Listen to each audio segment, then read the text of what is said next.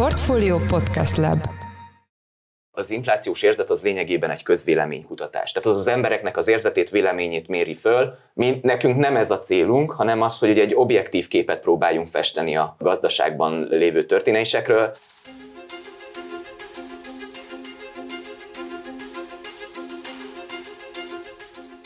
Sziasztok! Ez a Portfolio szerdánként megjelenő heti podcastja. Én Madár István vagyok a Portfolio makrodovatának vezető elemzője, és a mai műsor házigazdája. A mai témánk pedig az infláció lesz.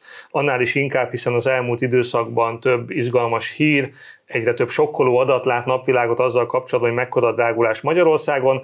Ez ügyben vannak természetesen számai a KSH-nak, és vannak felmérései a GKI gazdaságkutató ZRT-nek is. Így most a vendégünk Wittner Péter, a Központi Statisztikai Hivatal fogyasztói árakosztályának vezetője. Üdvözlöm a műsorban. Köszönöm szépen a meghívást, én is üdvözlök mindenkit.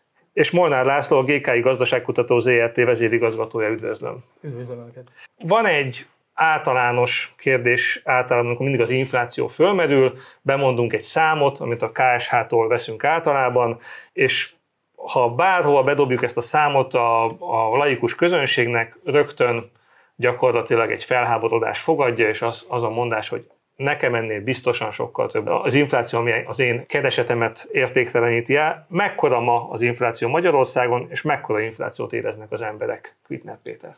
Ugye a legfrissebb adataink az ugye a 2022 áprilisi adatok, és amit ugye mi leggyakrabban kommunikálni szoktunk, az ugye az az elmúlt 12 hónapban megtörtént árváltozás. Ez, amit ugye az infláció legfontosabb mérőszámának tekintünk, a fogyasztói árindex tekintetében 9,5% volt. Viszont fontos tisztázni, hogy különböző termékek és termékcsoportok szintjén azért jelentős az eltérés, Például leginkább az élelmiszerek ára nőtt 15%-kal, de 10% feletti mértékben nőtt a tartós fogyasztási cikkek ára is. Ezzel szemben viszont vannak olyan termékcsoportok, amiknek az ára nem emelkedett, gondoljunk csak a rezsikiadásokra, amiknek meg lassan egy évtizede rögzítve van az ára. Úgyhogy ezek inkább lefele húzzák a, az inflációs számot. De ha még jobban belemegyünk a részletekbe, és a reprezentánsok szintjére is lemegyünk, akkor például mondhatjuk, hogy a fenyődeszka ára több mint 60%-kal emelkedett, de 45-50%-kal emelkedett például a paradicsom vagy a csirkecomb is. Viszont vannak olyan termékek, akiknek csökkent az ára, például az almája vagy a máki az 5%-kal alacsonyabb, mint egy évvel ezelőtt, de kevesebbet fizetünk egyes biztosításokért és az internet szolgáltatásokért is. Miért fontos ez a jelentős különbség a termékek között? Mert ha majd később erre még jobban belemegyünk a, az okokba, ez tudja befolyásolni az érzékelt inflációt is. Az érzéket inflációt a GKI viszont méri. Ha jól tudom, talán az MNB-nek is ad át erre, erre vonatkozó adatokat, amikor a várakozásokat méri. Számon tartja az MNB, ugye neki ez nagyon fontos dolog, és az Európai Bizottságnak is a GKI szolgáltat erről adatokat. Ez, ez micsoda és mit mutat? Ugye ezt az Európai Unió bizottsága rendeli meg. Ez a szokásos lakossági felmérésben egy plusz kérdés, ez 2018 óta teteti föl. Egyébként érdekes, mert a GKI saját szorgalomból 12-ig mérte ugyanezt, aztán a költség takarékosságútól érte ezt a felmérésünket is, tehát akkor visszavettük arra, amit az Unió közvetlenül megkövetel. A dolog lényege, hogy azt kérdezzük meg, hogy milyen az érzékelt infláció, tehát hogy a megkérdezett szerint az elmúlt egy évben hány százalék volt az infláció. Ez nyilván nagyon szubjektív. És pont azért szubjektív, amit az előbb elmondott a kolléga, hogy a nagyon hangsúlyosan megjelenik az érzetben az éppen tapasztalt vásárlások szintjén meglevő infláció. De most ez azért érdekes, mert például, ha a gépkocsi ára mondjuk tegyük föl állandó lenne, és öt évente vásárolunk gépkocsit, akkor nem nagyon tudjuk, hogy öt évvel ezelőtt mibe került. Tehát egyszerűen nem tudja az ember. A másik, amit nagyon nem szokott tudni az ember, ez pedig például azok a kiadások, amelyeket csoportos beszedésben fizet. Például ilyen az energia. Tehát az megkapja havonta a számlát, de valójában nem nagyon nézi meg. Tehát igazából nagy rész le is vonja a bank, tehát nem nagyon figyeli ezeket a költségszinteket. Tehát emiatt nem is tudja, hogy adott esetben ez most picit nőtt, csökkent, vagy mi történt. Ez azért érdekes egyébként, mert nemrég csináltunk egy kutatást, egy nagy villamosenergiaipari szereplőnek, ahol pont ezt kérdeztük meg a lakosságtól, hogy a gáz és a villany áram ára, mind a kettő csökkentett termékkör, hogy érzékeli, hogy nőtt vagy csökkent, és a lakosság kétharmada szerint nőtt. Ami ugye nyilvánvalóan lehetetlen. Persze ott a költségnemekben mindig van egy kis változás, és persze ott mindig előfordult egy pici növekedés, tehát az tény is való, hogy nem teljesen pont ugyanaz, és a fűtés miatt meg ugye tényleg van egy utólagos elszámolás a levont összegek és a ténylegesen mért összeg között. Tehát emiatt érzékelheti úgy a lakosság, hogy valamivel többet fizet, de azért nem ennyivel, mint amennyit az ilyen felmérésekben mondani szokott. Ami viszont fontos, tehát hogy van egy mértérték, ami nyilván valamilyen szempontból persze az is egy becslés. Tehát nem egy tökéletes mérés, ezt tudjuk jól, de a lehető legjobb, mert ugye más nincs. Tehát ugye ebből a szempontból lehető legjobb. Bár egyébként, nyilván a majd a továbbfejlesztés iránya lehet, hogy vannak olyan mérések, amit a piaci szereplők csinálnak, például a Nielsen, aki a vonalkódok alapján mér, és ez ugye teljes körű. Ráadásul volument is mér rögtön, tehát árat és volument is, már teljes kör úgy értem arra a kör, amit mér, tehát a, azokat a boltípusokat, amelyeket megmér. Ez nagyságrendileg az összes vásárolt fogyasztásnak, a kiskereskedelmi vásárolt fogyasztásnak a 60%-a, de az a teljes kisker, csak egy része. De ez legalább egy helyesbítő vagy egy pontosító tényező. Azt tudom, hogy a Dán Statisztikai Hivatal már, már megkezdte ennek a adaptálását, vagy annak a kísérletét, hogy olyan lehetne ezeket a vonalkódós rendszereket adaptálni a, az infláció mérésébe. Részben azért is, mert sokkal teljesebb körű, részben azért, mert napra kész. Lássuk, meg költségtakarékos, mert ugye a hárfelíró is pénzbe kerül, tetszik, nem tetszik. Ezt meg úgyis mérik, tehát ugye ebből a szempontból jó. Tehát én azt gondolom, hogy, hogy ez egy fontos dolog. A másik fontos dolog, és ugye ez a fő kérdés, hogyha van egy mért infláció és van egy érzékelt infláció, és ennek nagyon nagy az eltérése, akkor annak következményei vannak. Például a lakosság más gondol például egy kamatról. Más gondol a fizetéséről is, legyünk őszinték. Egy nyugdíjas, hiába mondják, hogy reál nyugdíjat kap, vagy nulla a reál nyugdíjat kap, tehát nagyon nem csökken a nyugdíjak reál értéke. Ha egyébként az ő érzete az, hogy sokkal magasabbak az árak, mint amit a hivatalos statisztika mond, mert akkor az az érzete van, hogy ő éppen kifosztják, ugye, vagy nem, mert ugye a legtöbb nyugdíjas azért nem tud munkát vállalni a nyugdíj mellett, tehát nem tudja kiegészíteni a jövedelmeit.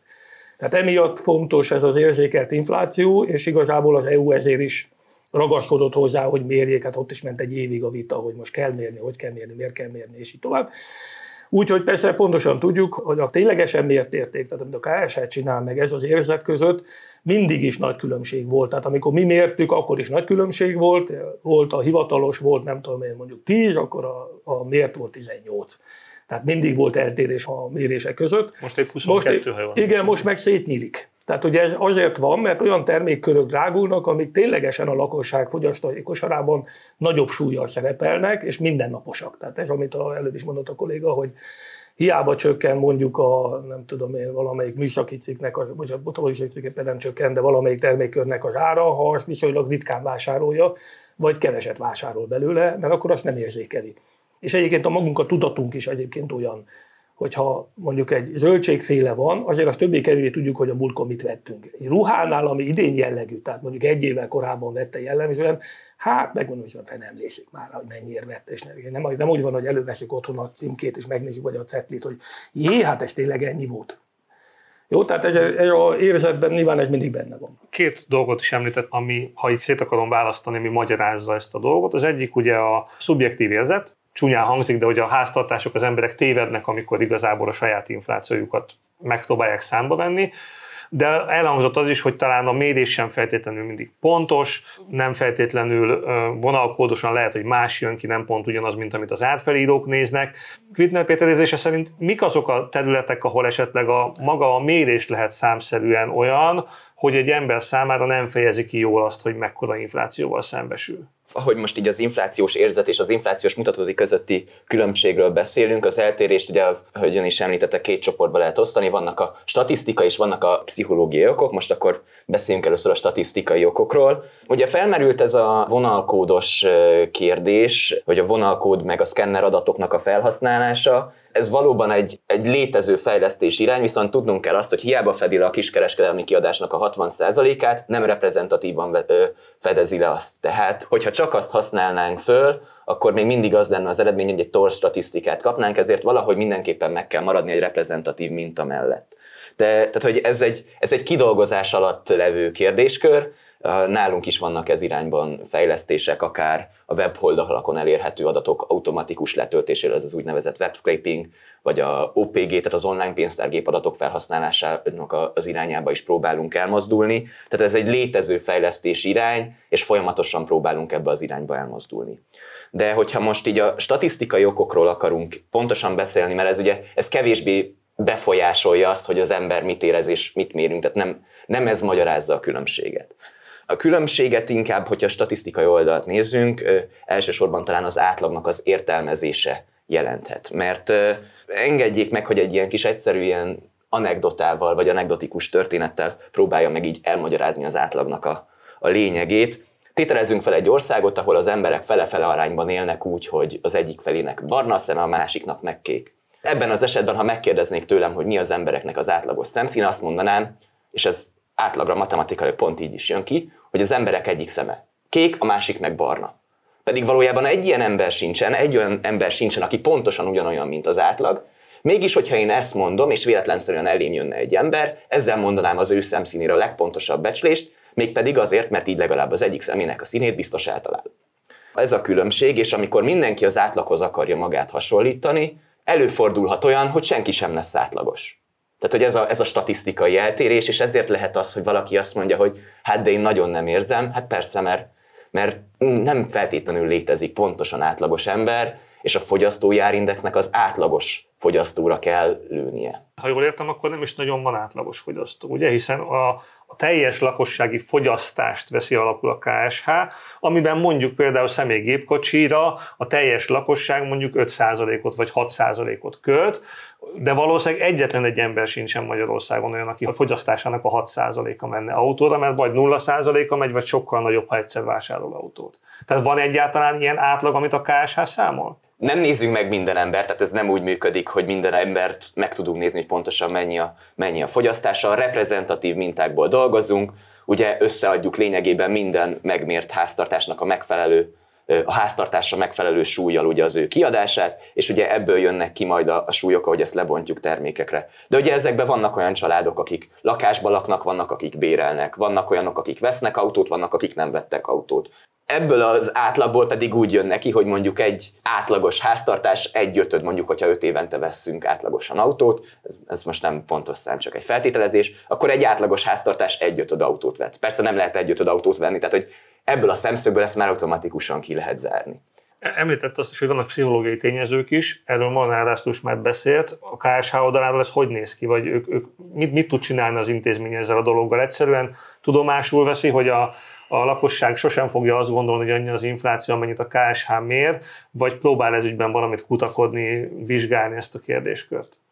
Nagyon fontos ebből a szempontból azt, azt látni, hogy ugye mivel itt egy, az inflációs érzet az lényegében egy közvéleménykutatás. Tehát az az embereknek az érzetét, véleményét méri föl. Mi, nekünk nem ez a célunk, hanem az, hogy egy objektív képet próbáljunk festeni a gazdaságban lévő történésekről, és hogyha ez a kettő esetleg eltér, akkor ugye amit mi maximum tudunk tenni, az az, hogy felmérjük a különbségeknek az okait, ez az a fiziológiai tényezők, amikre mindjárt áttérek. A másik pedig, hogy az ezzel kapcsolatos eltérésekre vonatkozóan megpróbálunk tájékoztatni, edukálni hogy ugye mindenki tudja, hogy, hogy bármi tényleg objektív képet festünk le a, a gazdaságról, miért van az, hogy az én érzetem ettől mégiscsak eltér. És hogy milyen pszichológiai tényezők is vannak ezzel kapcsolatosan itt. Egy közgazdasági Nobel-díjas pszichológusnak a, a gondolatmenetéhez, Daniel Kahnemannak a gondolatmenetéhez térnék vissza. Neki van egy ilyen elmélete a gyors és lassú gondolkodásra, ugye attól függően, hogy milyen kérdést kapunk, és hogyha kapunk egy kérdést, azt mennyire gyorsan kell megválaszolni, az agyunk kétféleképpen tud gondolkodni. Van ez a gyors gondolkodás, amikor egy kérdésre azonnal választ kell adnunk, ilyenek a közvéleménykutatások is. Ezzel szemben van egy lassú gondolkodás is, amikor hogy egy kérdést van időnk átgondolni, akár több percünk, óránk vagy napunk, hogy körbejárjuk magát a kérdést, teljesen más választ fogunk adni a kétfajta gondolkodással. És amikor ezt a gyors gondolkodást használjuk föl, akkor a komplexebb kérdéseket hajlamosabbak vagyunk leegyszerűsíteni, mert egy könnyebb kérdés mindig könnyebb gyorsan megválaszolni, mint egy nehezebbet.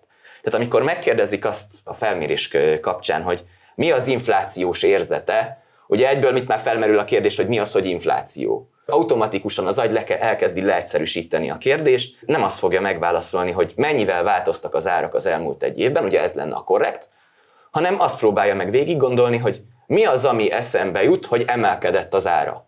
Márpedig ez a két kérdés nagyon nem ugyanaz. Ugyanis az utóbbi esetben teljesen figyelmen kívül hagyjuk azt, hogy minek az ára nem változott, vagy minek a csökkent. Márpedig ezek is jelentősen befolyásolják az inflációt.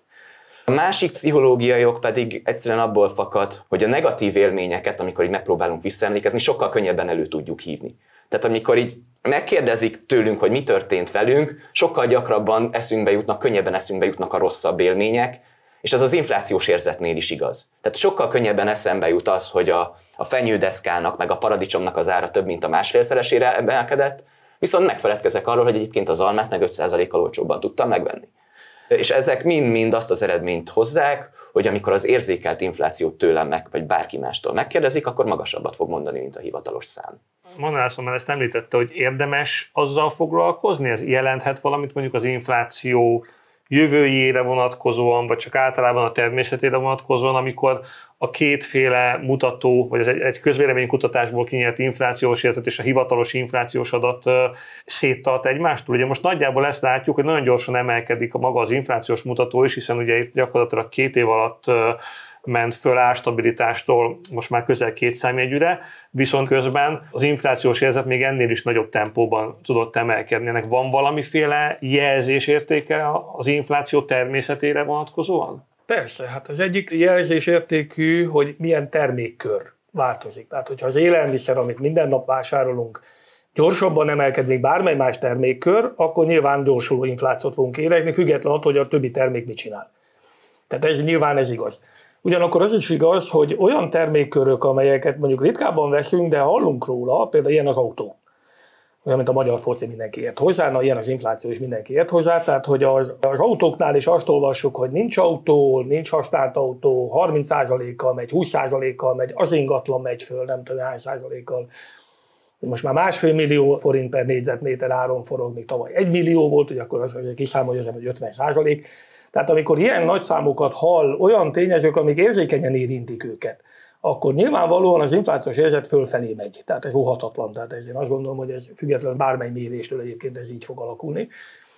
És hát legyünk őszinték, a, azért a mákot nem mindenki veszi, tehát hiába csökken a mák ára, az sajnos kevésbé érinti a lakosságot, ellenben mondjuk a paradicsomot vasek többen veszik, én nekem van ilyen érzésem.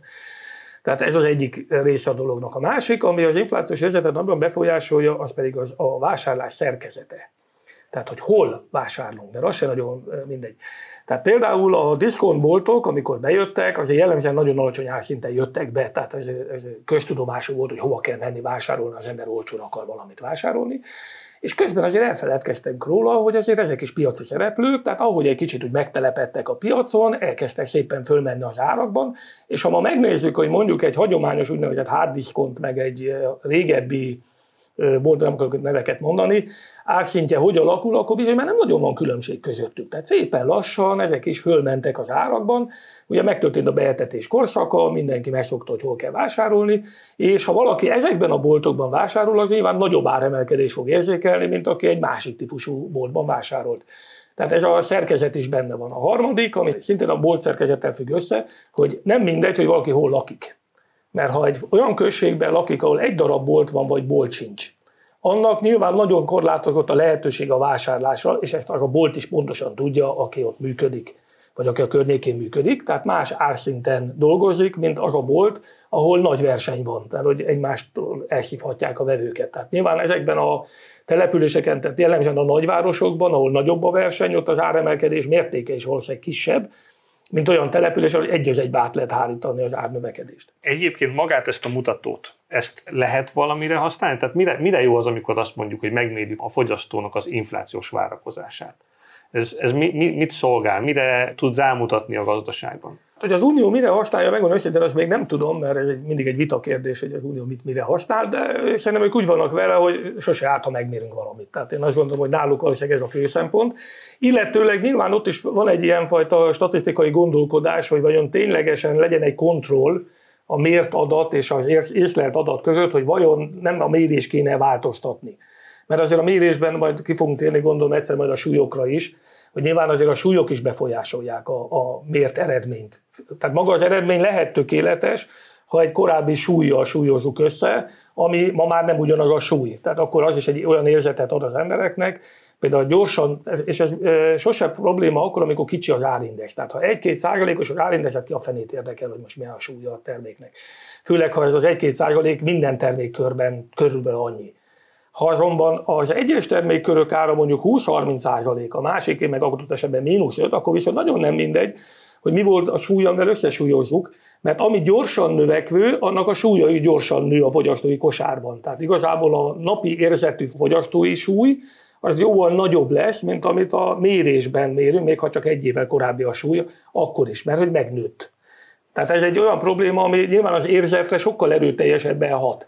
Tehát ugye élelmiszert fogyasztunk nagyságrendek 30% körülbelül a fogyasztói kosárból, tehát ha a 30% mondjuk, most a kerekítek mondjuk 20%-kal nő, akkor azért a fogyasztói kosárban érte 6% pontos növekedés keletkezik a fogyasztónál, ami nyilván az ő súlyát megváltoztatja, hiszen azok a termékek, amik meg mínuszosak vagy nullák, például a rezsi, annak meg ugye a súlya meg relatíve csökken a fogyasztói kosárban. Tehát ezt is valahol a lakosság érzi, de ezt nem úgy, hogy kiszámolja az agyával, persze nem lehet kiszámolni így, hanem úgy, amikor költ, akkor érzi, hogy egyre többet költök élelmiszerre, nem marad más. A hónap vége van, ugyanannyi pénzem van, és mégis elfogyott. Régen meg volt még valami kis megtakarítás a hónap végén. Tehát nyilván ebből azt a következtetés vonja le, hogy az infláció sokkal magasabb, hiszen tudom, hogy 10%-kal nőtt a bérem, és ahelyett, hogy a végén 10%-kal több pénzem lenne a hónap végén, ahelyett kevesebb van, vagy el is fogyott a pénzem. Tehát akkor nyilván úgy érzi, hogy őt most itt átverik a, a adatokban. Egyébként ugye ez egy nagy probléma, hogy ha mi azt mondjuk, hogy a mérés nem pontos, az nem azt jelenti, hogy a mérés hamis. Tehát ugye erre kell vigyázni, hogy a mérés az mérés. A statisztikának is vannak hibahatárai, a statisztikának, a módszereinek is vannak nyilván problémái, de alapvetően azt el kell fogadni, hogy nincs más adat, és nincsen ennél jobb adat, legalábbis egyelőre úgy tűnik, és ez az egyetlen olyan adat, ami unió szinten összehasonlítható, mert az unió minden tagállamában ugyanezt az adatot mérik, és ez nem mindegy. Tehát arra jók a hivatalos adatok, hogy reál mutatókat gyártsunk, mert egyébként nem tudnánk, hogy mi hogy alakul, főleg mondom magas infláció esetén. A, amiért fontosak ezek a mutatók, és az előbb már próbáltam rá utalni, hogy ha a lakossági érzet sokkal magasabb, mint amit a KSH mér, akkor a KSH származtatott adatai is hát bizonytalanabbá válnak. Tehát ez a reálbér. Tehát ha infláció alacsony, a nominálbért meg tudom mennyi, és kijön egy reálbér a ksh mondjuk 3 de én azt gondolom, hogy kétszer akkor az infláció, akkor már nem reálbér pluszon van, hanem reálbér mínuszon van. És ugye akkor az emberek idegesek, mert hogy hát ne meg, hát nekem itt azt mondták, hogy itt nő a reálbér, a fenének nő a reálbér, nekem nem nő. És akkor megint ugyanaz a probléma, mint az előbb ön is említett, hogy maga a lakosság nem egységes. Vannak, legyünk őszinték, nagyon szegények, akiknek a fogyasztása szinte csak élelmiszerből áll, meg némi rezsiből, vannak ö, középosztálybeliek, idézőjelben, tehát a társadalom többsége, aki az átlagos kosarat fogyasztja, ha létezik átlagos kosár, és hát nyilván van a teteje, akit, hát legyünk őszintén, nem nagyon érdekel az infláció, mert az ő pénzeihez képest ezek nem látszanak. Emiatt az sem mindegy, hogy a társadalom rétegei hogyan osztanak meg. Tehát nyilván, ha nagyon sok a szegény, aki sokat fogyaszt élelmiszert, akkor az ő inflációs érzetei sokkal erőtesebb jelennek meg egy ilyen közvénykutatásban, mint mondjuk a gazdagok, akik adott esetben nem is válaszolnak egy könyvkutatásra, mert be se jut oda a kérdező biztos. Igen, Molnár László említette egy fontos ilyen statisztikai jelenséget, ugye talán érdemes annyit tisztázni, hogy a KSH hivatalosan a lakosság fogyasztását, amikor megsúlyozza, hogy mely, miből mennyit fogyaszt a lakosság, akkor alapesetben körülbelül két éve korábbi háztartás statisztikából indul ki, mert erre volt adata, és ugye itt talán a koronavírus válság készítette arra a KSH-t, hogy ebben megpróbáljon gyorsítani, és már az előző év első felének adatait is, ha jól tudom, akkor figyelembe tudja venni, és megpróbálja ez alapján figyelni. Ugye általában az megfigyelhető, hogy a lakosságnak az átlagos fogyasztási szokásai azok lassan változnak. Tehát egy-egy olyan nagy termékcsoport, mint élelmiszer, annak nem tudom én néhány év, amíg egy százalék pontot el tud mozdulni mondjuk egyik időszakról a másikra a súlya a fogyasztás átlagos szerkezetében. Viszont, ha jól értelmezem, akkor most itt ugye ez a koronavírus válság ebből a szempontból azért elég sok fejtődést hozhatott, hiszen azért a lakosság fogyasztási szerkezete az brutálisan meg tudott változni, hiszen az életmódja is megváltozott. Ezt hogy tudta a KSH kezelni, és mi, mi, mik voltak ezzel kapcsolatban a kihívások? Ugye itt a súlyozás kapcsán az, hogy régebben, tehát hogy a koronavírus előtt valóban a két évvel korábbi fogyasztási szerkezet ből alakítottuk ki, aminek egészen pontosan az volt az oka, hogy amikor ugye ki kell alakítani a súlyokat, akkor ugye az előző évre még nem áll rendelkezésre a teljes évadata, és ugye nincsen kristálygömbünk, nem, nem jelzünk előre, abból tudunk dolgozni, ami adat már létezik. Viszont fontos ezzel kapcsolatosan látni, hogy hogyha csak ezt a problémát így felvetjük, önmagában sokkal nagyobbnak tűnik, mint amekkora valójában. Tehát azért készülnek visszamenőleges számítások arra vonatkozóan, hogy ebből fakadóan mennyivel lenne más az infláció, hogyha miután már beérkeznek az adatok egy év után, átsúlyoznánk a éppen friss súlyokkal kapcsolatosan, akkor egy, maximum két tiz, tized százalékpont lenne a különbség a két inflációs mutató között. Lényegében elhanyagolható, statisztikai hiba határon belül van ez a különbség. Ugye felmerülhet, hogy a Covid-ban viszont nagyon megváltoztak a súlyok, és ez mennyire módosíthatta a mutatót. Erre is készültek számítások, és ezt az Eurostat készítette el, tehát hogy minden európai országra egységesen, és ott is az mutatkozik, hogy ez a különbség ez nem nőtt jelentősen. Tehát, hogy ilyen 3-4 százalékpontnyi lett a különbség a szokásos 0,1-0,2 százalékpont különbségből, tehát, hogy továbbra sem olyan jelentős a probléma, mert hát most ugye 10%-os inflációnál járunk már lassan 9,5, hogy pontos legyek, mert mégiscsak statisztikus vagyok, és nem mondhatok pontatlan számokat. Ugye ehhez képest ez a, ez a 3-4 pont, ami egyébként most már ugyanúgy nem érvényes, hisz mert kijöttünk a koronavírusból, és azért mondhatni már helyreállt a fogyasztási szerkezet, lényegében nem olyan jelentős. Ez az, amit itt szerintem a súlyokkal kapcsolatosan mindenképpen tudni kell. Amit még a COVID kapcsán viszont érdemes tudni, éppen a napokban a KSH volt olyan kedves, és a portfóliónak a rendelkezésre bocsátotta a hivatalosnál sokkal mélyebb bontású, szinte reprezentás szintű bontású inflációs adatait, áradatait, amiből nagyon sok érdekesség derült ki, és az egyik az az volt, hogy ha megnéztük, hogy mennyi volt tavaly áprilisban egy terméknek az ára, meg az idén áprilisban, abból nem jött ki az a hivatalos inflációs adat arra a termékre vonatkozóan, amit gondolnánk, hogy elosztanánk ezt a két számot egymással. Ennek egy része olyan módszertani okokból fakad, hogy közben a termék jellege megváltozott, és a KSH ezt újra súlyozza, viszont voltak nagyon látványos különbségek is, amiknél először meglepődtünk, aztán rájöttünk, hogy arról van szó, bizonyára, de javítson ki, hogyha tévedek, hogy még tavaly áprilisra vonatkozóan talán még mindig nincsen teljes körű ár statisztikája a KSH-nak, azért, mert ugye ebben az időszakban gondot okozott az árfelírás. Ez így van? Nem, tehát hogy a, a, amikor hogy a Covid agyője hogyan befolyásolta a, a, az árfelírást, az ugye elsősorban a járványnak a kitörésének az időszakára korlátozódott úgy jelentős mértékben. Tehát amikor így a, az árfelírás nehezebbé vált, az akkor volt, amikor ugye 2020 március közepétől ugye júniusig, most így nem emlékszem pontosan így dátumra, hogy meddig, de ugye nagyságrendileg addig ugye nagyon sok bolt bezáródott, és ugye nagy volt az ijegység is, tehát hogy a, a személyes összeírás egyáltalán nem volt lehetőség, ilyenkor kellett ugye akár telefonon, akár más módon megpróbálni beszerezni az árakat. Értelemszerűen ez nem tud 100%-ig ugyanaz a minőség lenni, de ugye követtünk olyan az Eurostat által ajánlott módszertani megoldásokat, amik, amik ezt, a, ezt a problémát csökkentették, és azt lehet mondani, hogy jelentős problémát akkor sem, abban a néhány hónapban sem okozott a mérésben a, a koronavírus járvány. Persze, az a néhány hónapnak az adata némileg bizonytalanabb, de nem torzított. Tehát, hogy nagyobb a mintavételi hiba, de a, de a pontosság az ugyanaz, és ez utána lényegében megszűnt. Tehát amikor újra nyitottak a, a szolgáltató helyeknek a nagy részei, akkor ez, ez, ez, ez a probléma ez megszűnt. Amit, amit említett, ugye a különbség a, az átlagárak között, az teljes mértékben olyan módszertani okokból adódik, ami egy normális időszakban is fennáll. És ezért, ezért nem publikáljuk feltétlenül a reprezentáns szintű árindexeket, mert ebben folyamatosan változás van. Ezeket évente felül kell vizsgálnunk pontosan azért, hogy követni tudjuk a fogyasztóknak a fogyasztási szerkezetét. Ebben évente változtatásokat kell csinálni, és ugye, hogyha két árat összehasonlítjuk a megváltoztatott reprezentánsban, az önmagában nem összehasonlítható, ezeket a változásokat nekünk ki kell szűrni.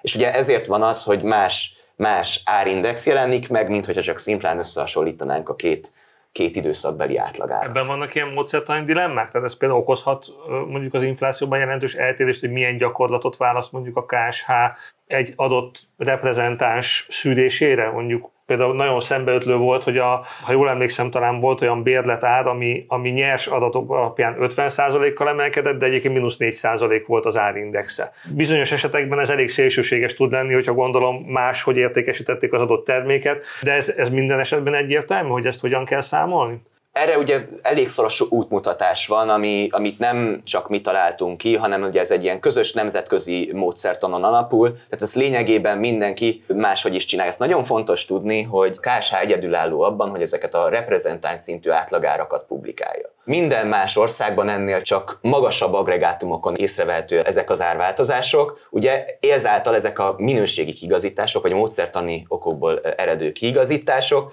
onnan nem, nem látszódnak. Ez az a szint, ahol már látszódik.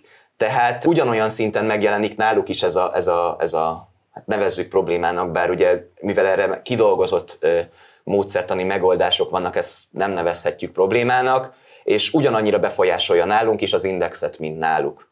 És ez egyébként nem, nem jelentős. Tehát itt is egyébként összességében a teljes infláció szintjén néhány tized, tehát ilyen egy-két tizednyi százalékpontnyi különbségekről beszélünk akkor mondhatjuk azt, hogy minél inkább belenézünk az infláció számítás mélyébe, annál bonyolultabb képet látunk, és annál összetettebb az, hogy ezt hogyan lehet igazából számolni. De nézzük a nagy képet, ugye Molnár László gazdaságkutató ZRT nyilván nem csak azt néz, hogy hogy alakult, hanem előrejelzéseket is ad rá. Mi a GK-nak most a meglátása, merre mozoghatnak tovább az árak és az infláció?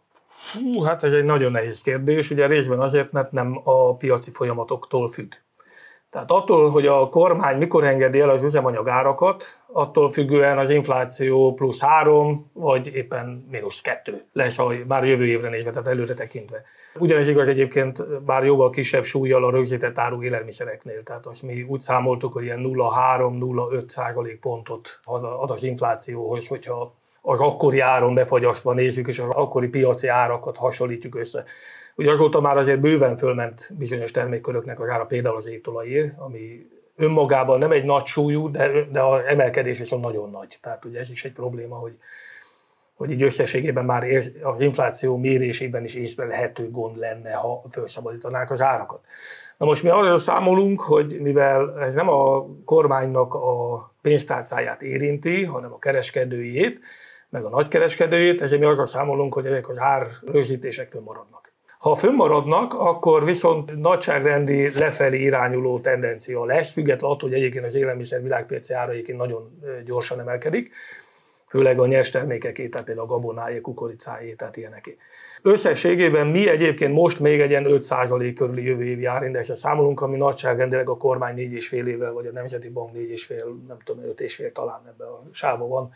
Ez körülbelül belefér, de mondom, ebben benne van, hogy akkor rögzítve maradnak a ezek a termékkörök, amelyek most is ársapkát kaptak. Még egy kérdést a végére engedjenek meg, ugye nem véletlen volt a kiválasztása ennek a beszélgetésnek a szereplői között, hiszen volt egy ilyen kisebb csörte, vagy nem is tudom minek nevezem, az elmúlt években, ami, ami tulajdonképpen föl is hívta a figyelmet erre az érdekességre. Amikor a GKI közétette ezt, hogy 20% fölötti a lakosság érzékelt inflációja, akkor a KSH erre reagált, mondván, hogy ez nem jó, hogy ez a szám ez így megjelenik, mert ez összetéveszthető, illetve pontosan mi, miben fogalmazódott meg ez a, ez a kritika a GKI felé, hogy ez az inflációs érzet ez így nem, nem stimmel? Nem maga az inflációs érzet nem stimmel, nem azt mondjuk kétségbe, hogy az emberek nem ezt az inflációt érzik, hanem itt arról van szó, hogy ez két teljesen különböző mutató, és hogyha ezt a kettőt megpróbáljuk összevetni, akkor almát hasonlítunk körtével, és téves következtetésekre vezethet. Például arra, hogy rossz a mérés. Nem, nem, nem rossz a mérés, hanem egyszerűen két teljesen különböző dolgot mérünk, és a statisztikai, de elemzési szempontból is fontos az, hogy ugye amikor valamit, valamivel összehasonlítunk, akkor mindig a saját területen belül maradjon, amit hasonlítunk. Tehát az inflációt hasonlítsuk össze a saját tehát, hogy az inflációt időben tudjuk összehasonlítani, a fogyasztó, az mostani fogyasztói árindexet hasonlítsuk a korábbi fogyasztói árindexhez. Megállapíthatjuk, hogy nőtt.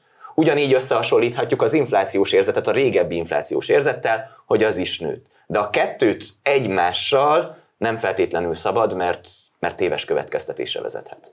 És ez az, amire vonatkozott a mi megnyilvánulásunk. Van László?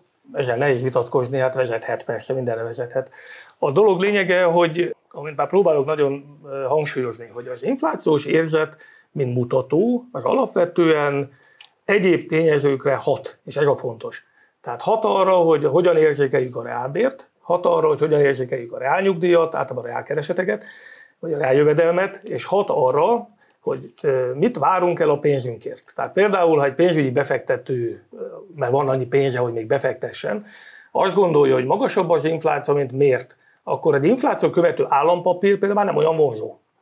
Mert ha csak az inflációt hozza, miközben én szerintem az infláció kétszerese, akkor helyette próbál valami teljesen más alternatívát keresni, ami adott esetben ennél jóval többet hoz, ami meg egy abban az értelemben téves következtetés, hogy sokkal nagyobb kockázattal jár, csak ugye a kockázatokat ilyenkor nem súlyozzuk, ugye, hogy most akkor mi van, csak a pénzt látjuk az ablakban, hogy, hogy sokkal többet lehet elérni. Szerintem így nagyjából körbejártuk a témát, nem tudom, hogy a vendégeinknek van-e még valami, ami esetleg így ebben a témában így kimaradt. Talán én még annyit tennék hozzá ehhez az egészhez, az inflációs érzetnek a méréséhez, hogy nagyon fontos azt látni, hogy ez is egy fontos mutató a tényleges fogyasztói árindex mérés, tehát a tényleges inflációnak a mérése, és az érzékelt, illetve a várt inflációnak a mérése nagyon jól megfér egymás mellett, mert mind a kettőnek megvan a maga létjogosultsága, főként abban, hogy ugye nem csak abban hat az inflációs érzet, hogy az emberek hogy érzik magukat, hanem maguk az inflációs érzet és ebből a az inflációs várakozások visszahathatnak a reálmutatókra. Hisz ugye, hogyha magasabb inflációt érzek, és ezáltal a jövőre is nagyobb inflációt várok, akkor ugye megpróbálok a munkáltatómtól is magasabb bért kialkudni, ha viszont magasabb a bérnőnek a költségek, előbb-utóbb az az inflációban is meg tud jelenni. Ebből a szempontból mind a két mutató nagyon fontos, csak mindegyiket a helyén kell tudni kezelni. Köszönöm szépen Kvitner Péternek, a KS osztályvezetőjének és Monár Lászlónak, a GKI gazdaságkutató ZRT vezérigazgatójának, hogy részt vettek a műsorban. Ez volt a Portfolio szerdánként megjelenő heti podcastja. Ha tetszett az adás, akkor iratkozz fel a Portfolio podcast csatornájára az összes nagyobb podcast platformon, hogy mindig értesülj az új epizódokról. Madár István voltam, a jövő héten új adással jelentkezünk. Köszönöm szépen a figyelmet, sziasztok!